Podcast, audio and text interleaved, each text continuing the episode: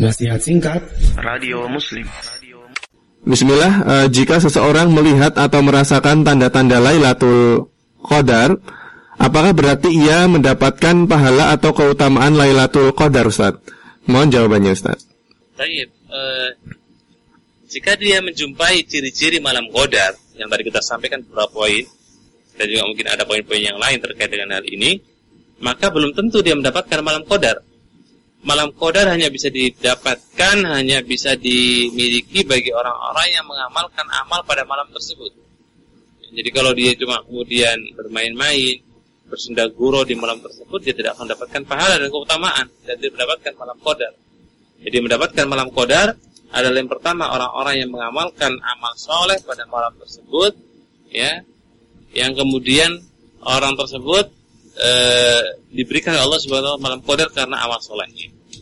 Bukan kemudian karena menjumpai ciri-ciri malam qadar. Wallahu a'lam bishawab.